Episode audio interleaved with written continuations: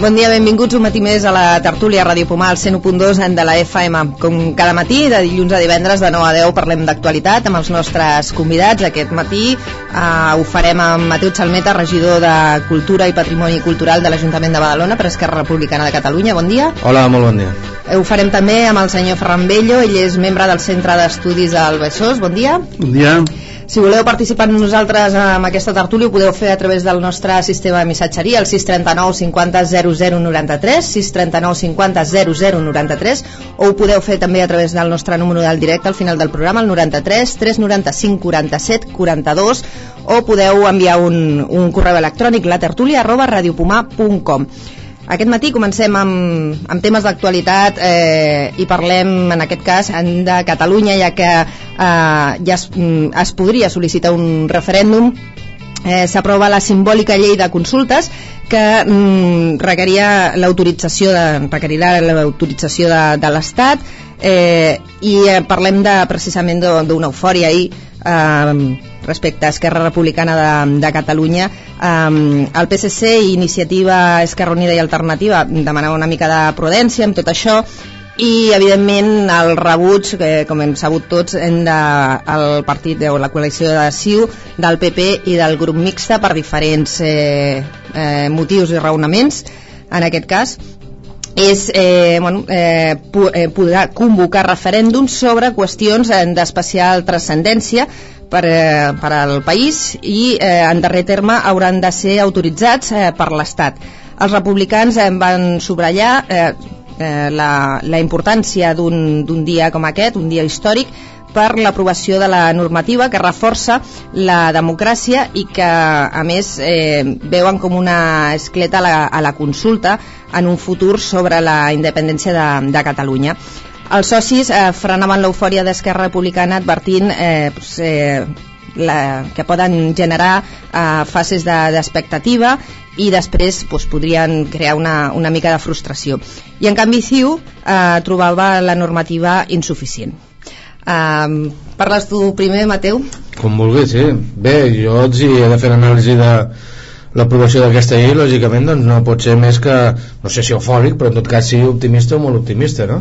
Uh, em sembla que és... Uh, però no, jo, jo no ho lligaria amb, amb cap altra qüestió, és a dir, simplement aquí el que estem fent és desenvolupar l'Estatut d'Autonomia actual, diguem, i per tant eh, reconèixer la potestat del poble de Catalunya a decidir, a parlar a ser consultat en referèndum eh, sobre temes d'especial rellevància i és veritat que els límits de l'Estatut eh, defineixen que, eh, que aquests referèndums han de ser aprovats per l'Estat eh? per tant, diguem, l'únic que fem és desplegar la llei i aprovar eh, una cosa sobre la qual amb l'Estatut anterior no, no teníem competències a Catalunya no? per tant estem fent un pas més cap a la democratització de, de, de la societat catalana de, de Catalunya si més no i bé, queda aquesta coletilla no? s'ha d'aprovar a Madrid bé, no, mentre siguem sent una autonomia de l'estat espanyol doncs això difícilment ens ho podrem saltar especialment si eh, la majoria del poble de Catalunya no opina el contrari eh? en el moment en què opina el contrari eh, això canviarà perquè és lògic d'augment doncs, eh, jo penso que és un avenç molt important i després m'han estranyat algunes actituds polítiques que si voleu després comentem uh mhm. -huh. Ferran? Bueno, jo, jo estic content per, per diverses coses. Tenim des de fa molts anys un, una indefinició sobre temes que afecten a l'estructura interna del país diguéssim, i, i, i a la seva forma de, de, de participar-hi no? des del tema territorial o, o, les lleis famoses territorials de l'any 30 s'estan donant voltes en 30 del segle passat eh? uh -huh. perquè el, aquest d'aquí 4 dies ja hi som eh? no sé si serem nosaltres però, però hi, hi serem ràpidament i després, si recordeu, tot l'adveniment de, del, de, dels ajuntaments, el, el buidatge de, de, dels lideratges socials, perquè una part molt important dels, dels dirigents socials van passar a ser regidors, i tot això va minvar bastant, diguéssim, el que diríem la participació ciutadana, van veure després un, van viure, millor dit, un, un, una altra etapa en la qual es van desenvolupar una pila de reglaments de participació ciutadana que han anat donant voltes però que finalment no tenien una coherència global, no? Amb aquesta llei es defineix clarament com és la fórmula, sobretot, de participació directa, el que diríem la democràcia participativa, és un grau més de democratització social, i crec que on tindrà més èxit diguéssim, on tindrà més èxit serà en els municipis els municipis es convertiran en un, en un, en un, en un, en una, en un lloc en el qual els regidors tindran molta feina, més de la que tenen, eh? perquè lògicament s'utilitzarà molt aquesta, aquesta llei i sigui en, en, en, en, en un sentit positiu o no eh? però s'utilitzarà molt i s'hauran d'acomodar els governs municipals molt i, amb, aquesta, amb aquest eh, aspecte legal que tindran a les mans o sigui, aquest instrument legal que tindran a les mans els ciutadans per poder d'alguna manera incorporar-se al, al govern de, de la ciutat crec que aquest serà l'element més important les expectatives sobre altre tipus de consultes que, que siguin de caràcter nacional eh, és més això serà més difícil eh? això serà més complicat encara que es preveu com la llei de que dos grups de, de, del Parlament poden diguéssim d'alguna manera incentivar això si es crea eh, per alguns suposo que serà la primera part d'un procés en el qual algun dia el poble de Catalunya eh, pugui prendre una decisió sobre el seu futur i la seva fórmula de, de gestió política bueno, pues, tenen raó, és veritat això. Això, és, això pot anar cap allí el que passa que això no dependrà només d'aquesta llei sinó de la voluntat política dels partits i dels ciutadans i els partits que recolzen no?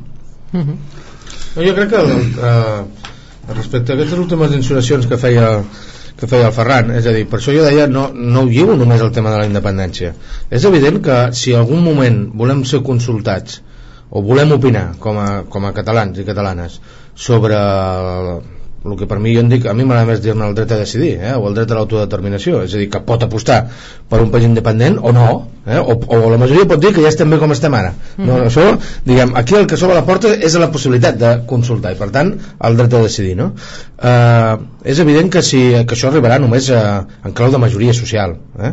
Ara també és evident que les lleis han de recollir la possibilitat i això és una mica el que s'està fent ara. Per tant sí que d'alguna manera pels que creiem eh, en un país diferent doncs eh, és un primer pas necessari eh? no, no, no, per si sol no és suficient però això ha d'estar recollit però és que a mi em sembla que és una llei important jo insistia en el tema de la democratització no? de l'aprofundiment de la democratització un tema important eh, que pot servir per, per moltes coses per, per exemple eh, la qüestió aquesta del dipòsit de residus nuclears jo crec que és un, una cosa prou important com perquè, no sé com acabarà ara mateix eh? però, que, com, però com perquè això no pugui decidir un ajuntament sol és que em sembla inconcebible és a dir, això a mi em sembla que està mal plantejat des del principi en aquest cas jo diria que eh, s'ha de fer una consulta molt més àmplia que la d'un municipi no? i probablement és una consulta a nivell català tranquil·líssimament no? podria ser motiu, o, o la MAT per exemple, no sé, jo crec que hi ha eh, ara mateix hi ha temes sobre la taula i en el futur en poden venir molts més que siguin objecte de, de ser consultats senzillament, per tant que, que tampoc és obligat consultar sobre tot eh? no, tampoc ara hem de caure amb l'extrem contrari no? però home, hi ha temes que són prou importants de vegades eh, eh, les aritmètiques parlamentàries fan que es prenguin decisions per molt pocs vots de diferència i que si la consulta fos popular, fos generalitzada doncs potser el resultat seria diferent per tant, és, per mi, insisteixo, és un aprofundiment democràtic uh. -huh. Uh, hi havia uh, declaracions, per exemple, com el de la diputada del PP, Maria Ángeles Solano, que deia que obeeix a un pla sobiranista uh, per la via de crear el propi est uh, estat. Uh, com si només la, el, refere uh, o sigui, el referèndum o en aquest cas el, el, el dret de la participació uh, ciutadana fos només en, uh, encaminat a, a l'autodeterminació la, de Catalunya el PP, mireu una cosa el, el PP no hi creu en la democràcia participativa no hi creu perquè el seu model de, de govern de funcionament i les propostes ja s'han vist eh? tenen un tufillo autoritari que, que és complicat diguéssim de, de que acceptin eh? o sigui, això s'ha de veure de seguida on, on governen com són molt intolerants no? quan no governen són agitadors no, no, no participatius o sigui, intenten generar un estat d'opinió no recollir l'opinió sinó fabricar-la eh? i per tant tenen la tècnica diguéssim de la demagogia política i diguéssim la utilització dels mitjans de comunicació i, i diguéssim la fabricació d'opinions això és la seva tècnica i només tenim que veure que el seu dirigent en aquests moments més extremista a nivell públic que, que se'n diu José María Aznar és l'home fort del Murdoch que sempre ho vinc dient jo aquí no? d'una gran corporació de, diguéssim de mitjans de comunicació del món que ha estat el vocero de, de Bush durant de molts anys i de la guerra de l'Iraq. O sigui, per tant estem parlant de que la intrínseca relació que els dirigents PP tenen. Tot el més és fullaraca. O sigui, jo quan vull saber el que pensen me'n vaig a la Gaceta que la rebo gratis cada dia eh? que és com lo, lo de l'intereconomia. Bueno, la, les barbaritats que s'arriben a dir però, però també m'assabento de realment quina és l'essència moltes vegades del que estem proposant nosaltres perquè accentuen aquells elements que ens diferencien a nosaltres i per tant en reforça la meva opinió no? per tant, jo penso que el que aconsello és que agafeu la gaceta no que la compreu, perquè com la reparten gratuïtament no sé, i llavors sabreu exactament quina és la seva línia de pensament no? i tot el que més és eh, d'intentar espantar la gent i que aquí passarà no sé què. I, i, i ara com estan posats en un altre negociat que estan parlant ara dels temes econòmics o tenim a l'Aguirre eh, intentant fer la insumissió institucional pues tenen altra feina. Però no dubteu que d'aquí a una setmana o deu dies o quan, se, quan se, eh, començaran a dir que, que Catalunya ha iniciat el seu pas a la independència que això és la segregació que això és, i que tota la culpa d'això la tenen el Zapatero i el Montilla. O sigui, no, no, no és d'Esquerra Republicana, ser tranquils eh, Xalmeta, que no anirà contra vosaltres dirà que la culpa és del Zapatero i del Montilla. Mira, no estic tan segur. Jo diria que si algú ha rebut els atacs eh, del senyor José María Aznar ara no em posaré a, a, fer, a fer rànquings eh? no em posaré a fer rànquings però em sembla que està la popularitat de l'Aznar que Esquerra Republicana i algun dels seus dirigents especialment ha sigut blanc de l'atac del Partit Popular i de José María Aznar durant uns quants anys i de, i de la caverna mediàtica que en diem aquí i que ja ens entenem i ho simplifiquem així no? jo no, no, no vull negar una cosa eh? Els, jo per exemple defenso que Catalunya té dret a la seva independència jo crec que eh, hi, hi tenim dret i jo la defenso eh? Uh, i aquest és un primer pas necessari per arribar un dia aquí. Si arribarà perquè s'hagi aprovat aquesta llei òbviament no, sigui, s'ha aprovat la llei el que sàpiga avui no, Catalunya no és independent encara. El que s'hi fa és mm, obrir una possibilitat en clau de futur sobre consultar la població sobre el tema de la independència el tema de què, què volem ser com a país i quina relació volem tenir amb l'estat espanyol i amb la Unió Europea i amb el món sencer. I això, bé, una cosa que decidim nosaltres.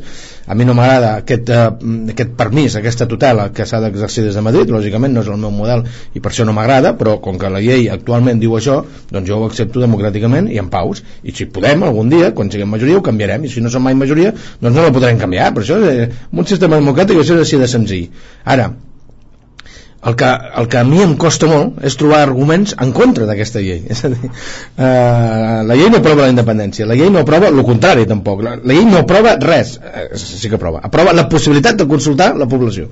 Això qualsevol demòcrata o sigui, a mi em costa molt trobar arguments que diguin el per què no s'ha de votar aquesta llei. És a dir, estem dient que es pot consultar senzillament sobre qualsevol tema important qui, qui pot estar en contra d'això? És que jo sóc incapaç, ja li busco arguments, però sóc incapaç de trobar-los, excepte aquells que no creuen en la democràcia, és clar, que això és una altra cosa. Sí, per exemple, deia que el, el problema era l'enfocament equivocat d'aquesta llei, que deia que era incompleta i, i autolimitada, que era com eh, una renúncia a desplegar el màxim que, que es podria fer amb, amb aquesta llei de referèndums. Eh, han tingut 23 anys per fer-la. No, no només això. absoluta, no? Han fet, i a més estan l'oposició a Catalunya, i és una posició tàctica. No, no només això, qui va retallar l'Estatut del 30 de setembre aprovat al Parlament de Catalunya? Els límits d'aquesta llei els marca l'Estatut aprovat i retallat amb una nit de cafès i patates sembla ser entre el senyor Zapatero i el senyor Mas eh? i per tant ells sabran quins són els límits que van pactar eh, en qualsevol cas el que no pot fer el Parlament de Catalunya és aprovar una cosa que sigui legal lògicament, per tant el límit legal no, el poden, no ens el podem saltar, no el pot saltar ningú no?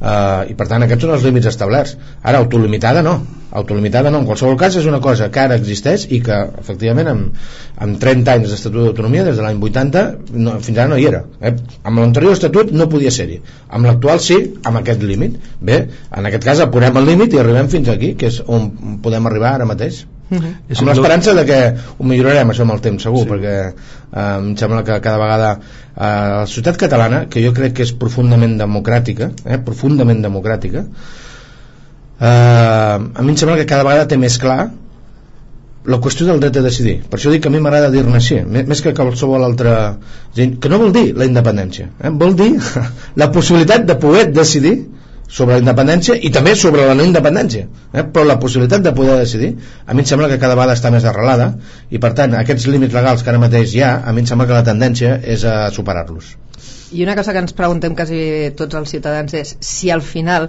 eh, el nostre estatut el Tribunal Constitucional el tira enrere que passarà amb totes aquestes lleis que hem estat aprovant en els últims eh, mesos i que van eh, precisament eh, estan establertes sota el nou estatut que ens dona més, eh, eh, més possibilitats de decidir sobre les nostres lleis. Això ara mateix jo penso que és prematur, o sigui, dir, fer lucubracions sobre coses que no han passat, jo cada vegada eh, en soc menys partidari, eh? vull dir, Uh, quan a casa, per exemple, quan parlo, parlem amb la dona, moltes vegades, i això, i passarà això, i l'altre, i no sé què, ja veuràs, i no sé què, dic, escolta'm tu, escolta'm, deixeu estar, Vull dir, una cosa és reflexionar so, o elaborar estratègies, que això és cosa dels partits polítics, de sortida a situacions concretes, eh, diguéssim, d'una forma interna, en la primera instància, de tenir una estratègia preparada, que és el que han de fer els partits uh, intentar en aquests moments espantar la població dient que passarà això o l'altre més aquí o allà o farà això, jo penso que és que no és correcte, que no, no, to, no toca eh? o sigui, dir, que una altra cosa és dir, els partits han de tenir una estratègia preparada, sí sí, jo crec que sí i crec que, que la tenen eh? que aquesta ha de ser el màxim col·lectiva possible també mm -hmm. I, per tant, bueno, jo, jo espero que sí jo la, la informació que tinc que no és molta, la que, la que pugui tenir diu que sí, que, que, estan, que, que s'està reflexionant sobre això, però ara seria una, un debat inútil perquè l'únic que genera és preocupació, no? i bastantes preocupacions tenim com per generar més. No? Uh -huh.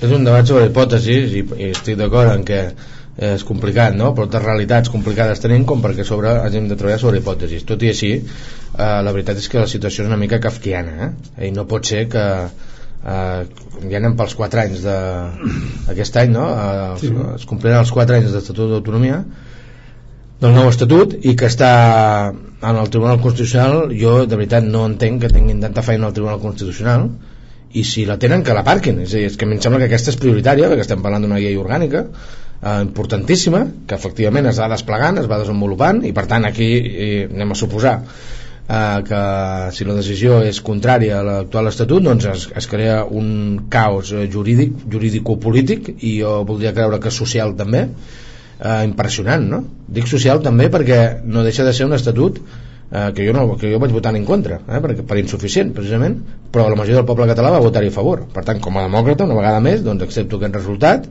i clar que una cosa sotmesa a votació popular i aprovada en votació popular, en referèndum doncs ja si després qui sigui un tribunal constitucional o qui sigui, més igual que digui que és il·legal, diguem, això és, és, és una situació, vaja, molt estranya no? que, i, i quan més s'allargui el temps jo diria que pitjor encara, perquè esclar, crea un problema greu, no? Per tant, no, no sé què passarà ja, ja ho veurem, però efectivament els partits han de tenir les seves estratègies preparades perquè no, sé, és una situació que no, em sembla que no es dona en lloc del món és gairebé impossible això, no? A més, que, sí, no... a més que tinguem un tribunal institucional que té aquesta situació d'interinitat que té o sigui, quan tu tens sí. un govern inter, interí jo recordo sempre un, he format part d'alguns governs i quan entràvem a l'última fase que ja estaven convocades les eleccions funcionaven com interins, procuraven no prendre decisions que condicionessin el govern següent. Correcte. Uh -huh. no? Això significava que s'anava diluint. Teníem la legitimitat per actuar perquè no es pot deixar sense govern un país però no per projectar més enllà de la nostra... Es treballa com en funcions, eh, es van mantenir... Bueno, clar, a, a... tenim un tribunal constitucional en funcions. Això l'afebleix la febleix i la febleix i per tant això és, és, és, és, la, és la seva essència en aquests moments no? clar, seria lamentable que un, un tribunal d'aquestes característiques que intenta interpretar el que voldríem tota, tota la gent d'un territori concret eh, sense tenir pràcticament mm, té la legitimitat legal però no hi ha la que correspondria a una cosa sentada ben pactada i tal per tant qui tingui la responsabilitat d'això que, que en aquest cas és el Parlament de Madrid, no? que és on s'han de prendre aquestes decisions i els partits polítics que en formen part que assumeixen aquesta responsabilitat, però aquesta situació d'interinitat és nefasta, diguéssim, per a, per a l'estabilitat institucional d'Espanya, eh, en termes generals. Llavors, per tant aquí a Catalunya anem fent i anem fent lleis que contra més fem millor. És que clar. Home, que si aquí, aquí, li, aquí li demanem responsabilitats això, al, al Tribunal Constitucional o se les demanem això, al, al Parlament? Per això penso que Convergència hauria de independentment de, de, de la, la contesa electoral i tota la situació no hauria de fer un petit esforç per acostar-se al, al, al govern de, de Catalunya i entre tots acabar d'enllestir les tres o quatre lleis que tenim i abans de les eleccions eh, no, no, no deixar-se emportar per, per uh, conjuntures no? Ah, no, si aprovo aquesta llei després em, em, no em beneficiarà perquè llavors vaig a la selecció i trauré menys diputats i coses d'aquest tipus això començo ja com està sobrepassat crec que hauria de fer aquest esforç suposo que ells es queixaran de que també els haurien d'escoltar més no sé, però aquest esforç l'hauria de fer jo penso que, que Convergència si fes això es guanyaria molta credibilitat eh? o sigui, vull dir, que els beneficiaria no els, no els perjudicaria però bueno, ja no depèn de nosaltres eh? depèn de, depèn d'ells eh? I precisament aquest magatzem que, que tu parlaves abans eh, de residus nuclears, creieu que seria una de les, de, mm, de les primeres coses que potser s'hauria de consultar tot el, tot el poble català, que els afecta a tot el poble català? Si finalment eh, clar, és que ara no sé com està el procés bueno, sí que sé com està el procés, el que no sé és com continua mm -hmm. és a dir, jo he criticat des del primer moment que hi hagi una oferta des del govern de l'Estat i es digui, escolta'm, tenim una necessitat que és la construcció d'un gran magatzem de residus nuclears no? i que ha de ser unificat per no sé quins criteris, etc. Uh, els ajuntaments que vulguin que ho diguin eh? els ajuntaments que estiguin disposats a acollir-los a canvi de no sé quantes compensacions en no sé quants anys eh? lògicament no és a canvi de res perquè lògicament si no ningú el voldria eh? doncs uh, qui, qui vulgui això i, i es dirigeixen als ajuntaments eh? els municipis que vulguin això que ho diguin a mi em sembla que ja és un mal punt de partida eh? perquè això no, jo insisteixo, no és una decisió d'un ajuntament sol, l'Ajuntament del costat si, si no, si, sense anar més lluny eh? l'Ajuntament del costat segurament rep eh, els mateixos perjudicis, diguem, els mateixos danys eh, hipotètics, mateixos perills, el que sigui, que l'Ajuntament que, que, que acceptés aquest eh, magatzem i en canvi no rep cap compensació. Per tant, només per aquest criteri ja em sembla una mica il·lògic, no? Dius, home, vols dir que està clar que ho hem de fer així? En canvi trobo a faltar altres criteris que tampoc és que sigui un expert en el tema eh? però jo no, he, no n'he sentit a parlar. Per exemple, respecte de si aquest magatzem on s'ha de situar?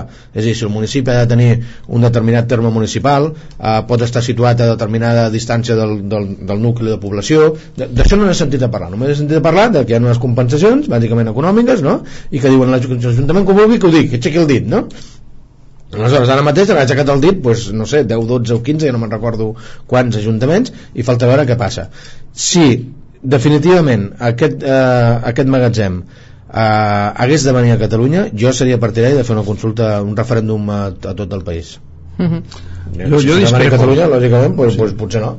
Eh? Jo, jo discrepo en una cosa, és dir, per mi eh, l'àmbit de decisió per un assumpte concret té que ser lligat o té que estar lligat a l'àmbit d'afectació diguéssim o, eh, o d'interès no?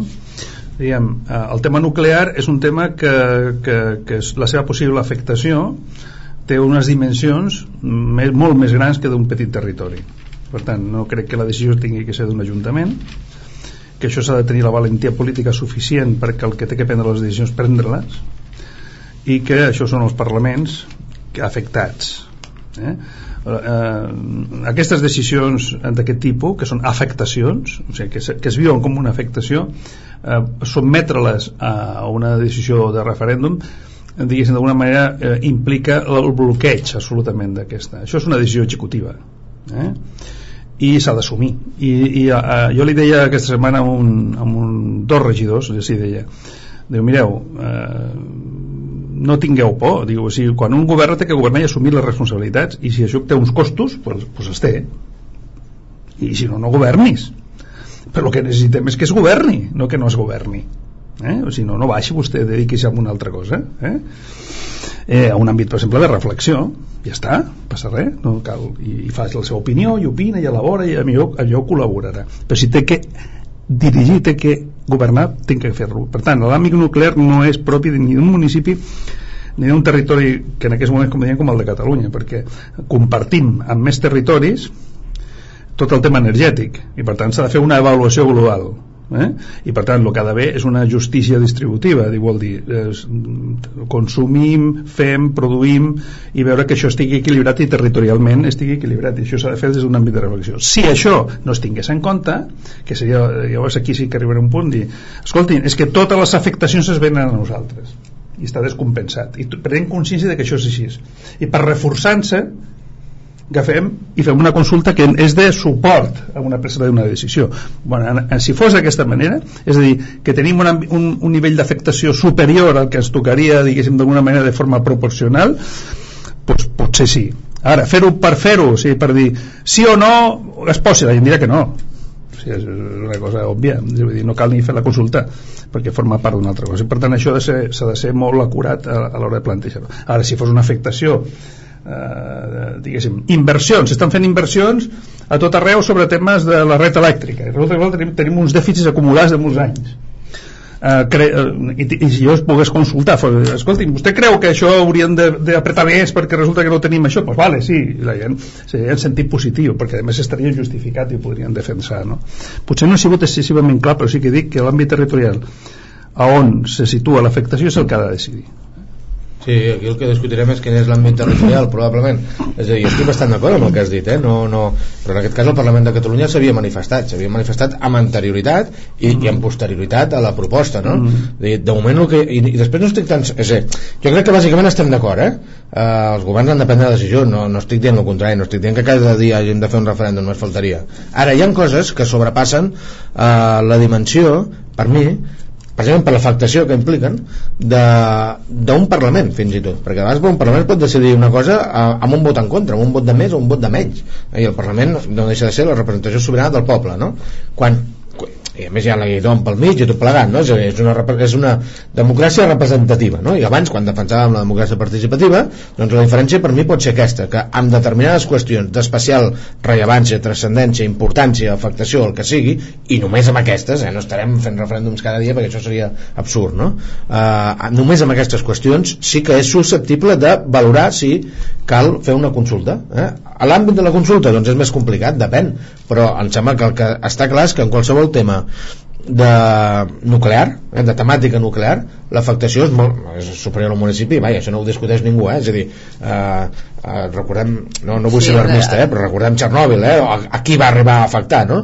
Eh, després hi ha un tema de transports, és a dir, situïs el, el dipòsit, del, el magatzem, on te'l situïs, hi ha un tema de transport d'aquest material radioactiu o nuclear o com sigui, no? Eh, per tant, aquí em sembla que l'àmbit de decisió ha de ser molt més ampli que el que ara mateix eh, eh, ja establert, no? I jo diria que en el cas de Catalunya doncs ha de ser d'àmbit nacional català i ja està. Eh? I qualsevol però, fuita, petita fuita o qualsevol eh, possibilitat ah. de petita fuita, per exemple, a França o, o a Escova d'Eix sí, eh, ens sí, posem tots sí. dels, dels nervis perquè pensem que en qualsevol moment pot arribar-hi ah, mm, pot arribar-hi coses que passin a Alemanya vull dir, mm, eh, bueno, va arribar a Txernòbil aquí part d'aquell núvol enorme de, de residus nuclears amb la qual clar, però, són però, coses que però no perdem de vista una cosa el referèndum més important que es fa en democràcia eh, són les eleccions eh?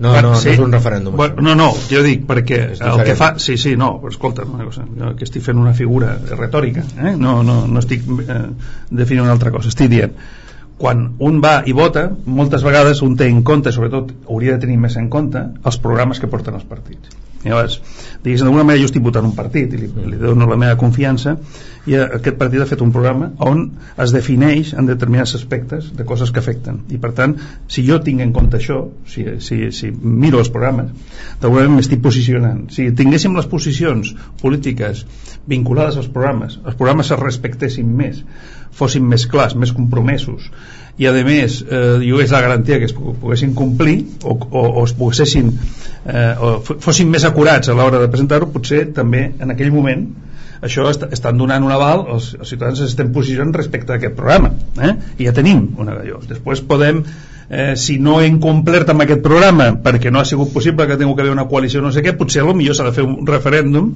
sobre un aspecte específic perquè estrictament tu no has pogut tirar endavant aquest programa, dir no puc tirar endavant i vull saber la gent què pensa respecte d'això. Això, això, això ja seria entrar en el que és la democràcia participativa i, i després a l'habilitat no, limitada no, estaríem dient que els polítics estarien més compromesos. Estaríem, estaria com, eh, compromesos. No, perquè diríem jo entro en un programa, tinc quatre posicions fetes els ciutadans es posicionen davant d'això si tinc majoria les puc aplicar si no tinc majoria tinc que negociar d'acord?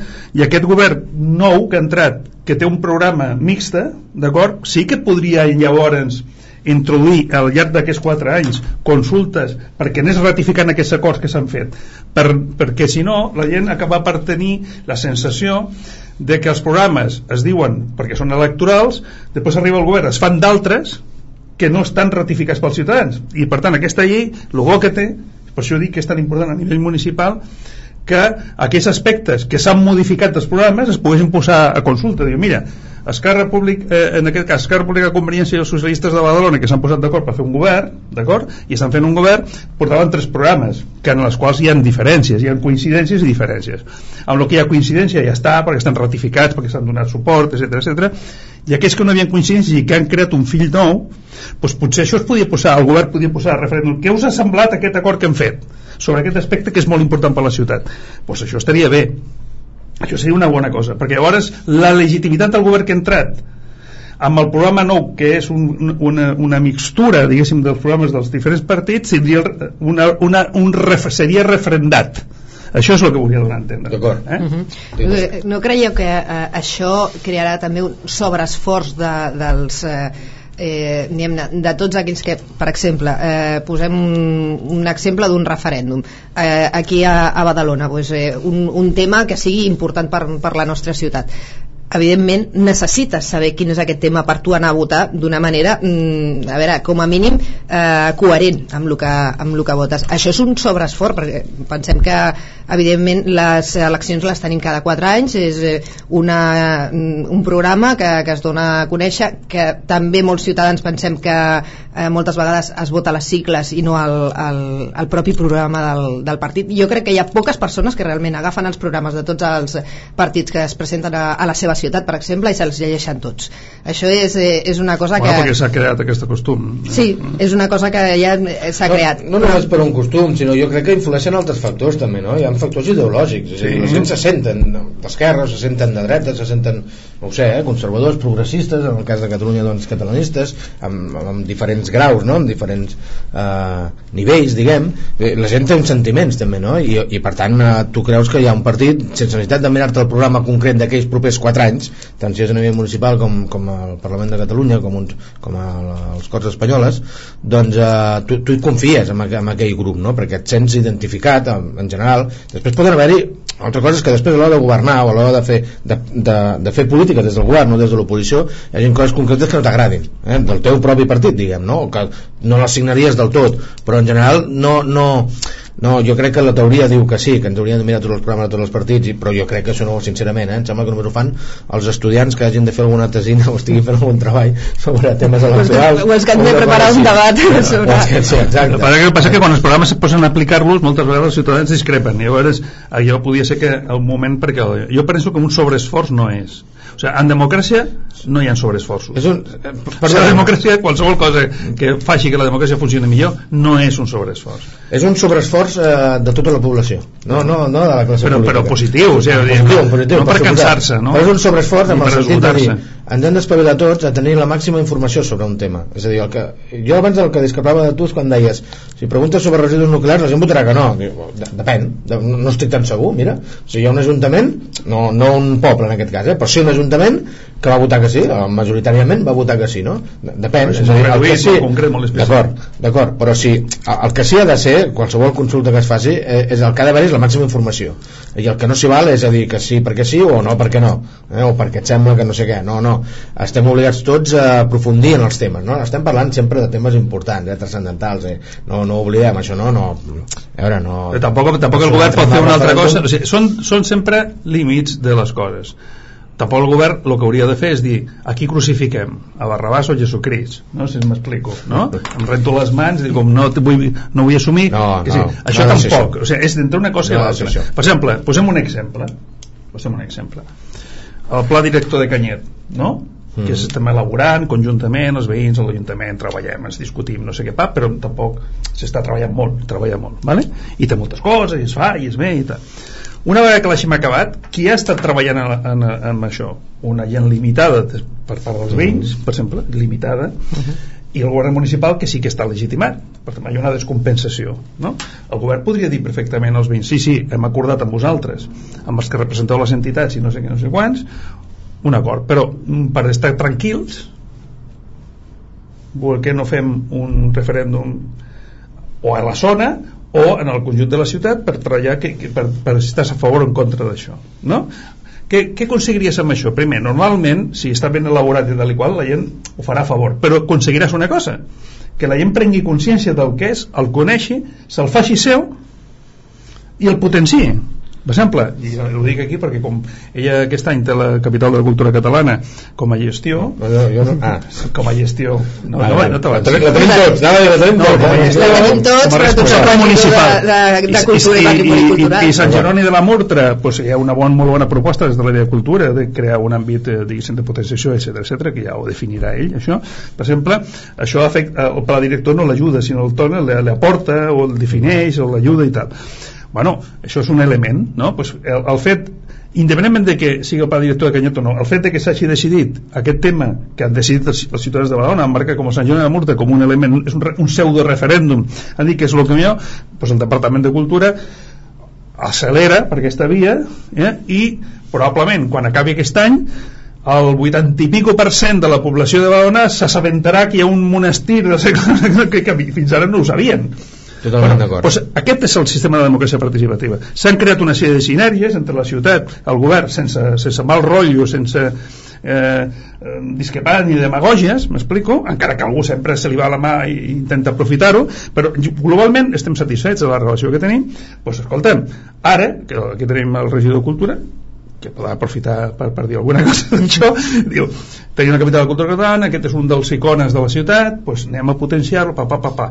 Com, doncs clar, com la gent ha sigut la que ha decidit encara que no hagi sigut tota la ciutat de Badona sinó ha hagut una enquesta virtual que a més és una de les coses que s'ha d'aprofitar per aquest tema de les consultes que és dèiem, és un sobreesforç, al millor no tant, perquè millor tenim que eh, ser imaginatius, introduir elements eh, diguéssim eh, diguéssim d'innovació a la participació i a lo millor si aconseguim això la participació més alta no? O sigui, vull dir, eh, que això ens, ens, ens, ens farà reflexionar sobre formes de participació més directes d'acord? per copsar l'opinió de la gent i això és una cosa que el govern a la que es haurà obligat a, a fer-ho perquè ho marca la llei estarà obligat a fer-ho, encara que ho vulgui eh? però estarà obligat a fer-ho doncs hauran de buscar instruments que ens ajudin a, a participar més uh mhm. -huh Perdó que m'hagi... No, estic totalment d'acord, només que afegeixo, bueno, en aquest que per, per contestar alguna cosa de les al·lusions directes com tant que regió de cultura, diguem, doncs sí que és veritat que quan vam fer aquesta campanya d'elecció dels set tesors del patrimoni cultural material de Badalona, eh, no ens va sorprendre que Sant Jeroni de la Murtra fos el més votat, no ens va sorprendre ningú, jo crec, perquè els que ho coneixem una mica doncs sabem que realment allà tenim una joia del gòtic del gòtic català, no? i per tant i molt desconeguda eh, potser sí que ens va sorprendre el, entre cometes eh, no ens va sorprendre excessivament però una mica potser sí va ser la, diferen, la diferència entre el primer i, el, i, el, i la resta no? I el, diguem, el següent, no? el segon, el tercer fins al set no? uh, la diferència vull dir va, molt, va, va ser el primer però molt destacat eh? I, i, i aquesta diferència potser sí que a mi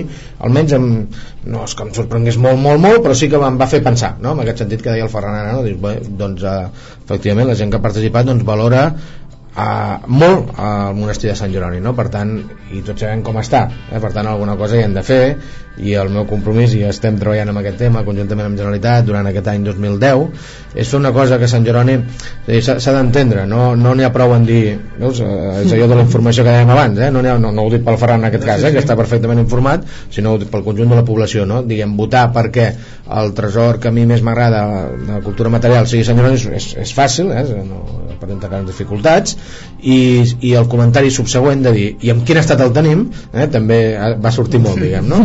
I aleshores la tercera reflexió hauria de ser bé i per què està així i no d'una altra manera? O què podem fer perquè deixi d'estar per canviar això. I per tant aquí comencem bé, alguns per responsabilitat doncs comencem a treballar-hi i jo sempre dic que la primera dificultat amb Sena de la Murtra és que és privat eh? que això, això és el que s'ha de saber que és un bé declarat bé cultural d'interès nacional això és veritat però també és veritat que la titularitat és privada. Per tant aquí ja no podem actuar lliurement des de l'administració pública. És, compli és complicat a és molt complicat eh? això per un costat per l'altre hem de marxar. Ah, acabo doncs. Per l'altre costat la situació diguem arquitectònica de l'edifici eh? l'estat de conservació és més que precari per tant aquí hem de fer un esforç important. I el meu compromís per aquest any és elaborar una eina que jo crec que és imprescindible que la tinguem que és un pla director de, de Sant Jeroni de la Murtra que ens digui quin és, que es faci una diagnosi de quina és la situació i com podríem, què hauríem de fer per millorar-la. I això, amb això estem treballant. Pues, eh, amb això acabem, moltes gràcies per haver estat. Mateu Xalmeta, Ferran, eh, Ferran Bello i ens trobem demà a les 9 del, del matí. Bon dia i gràcies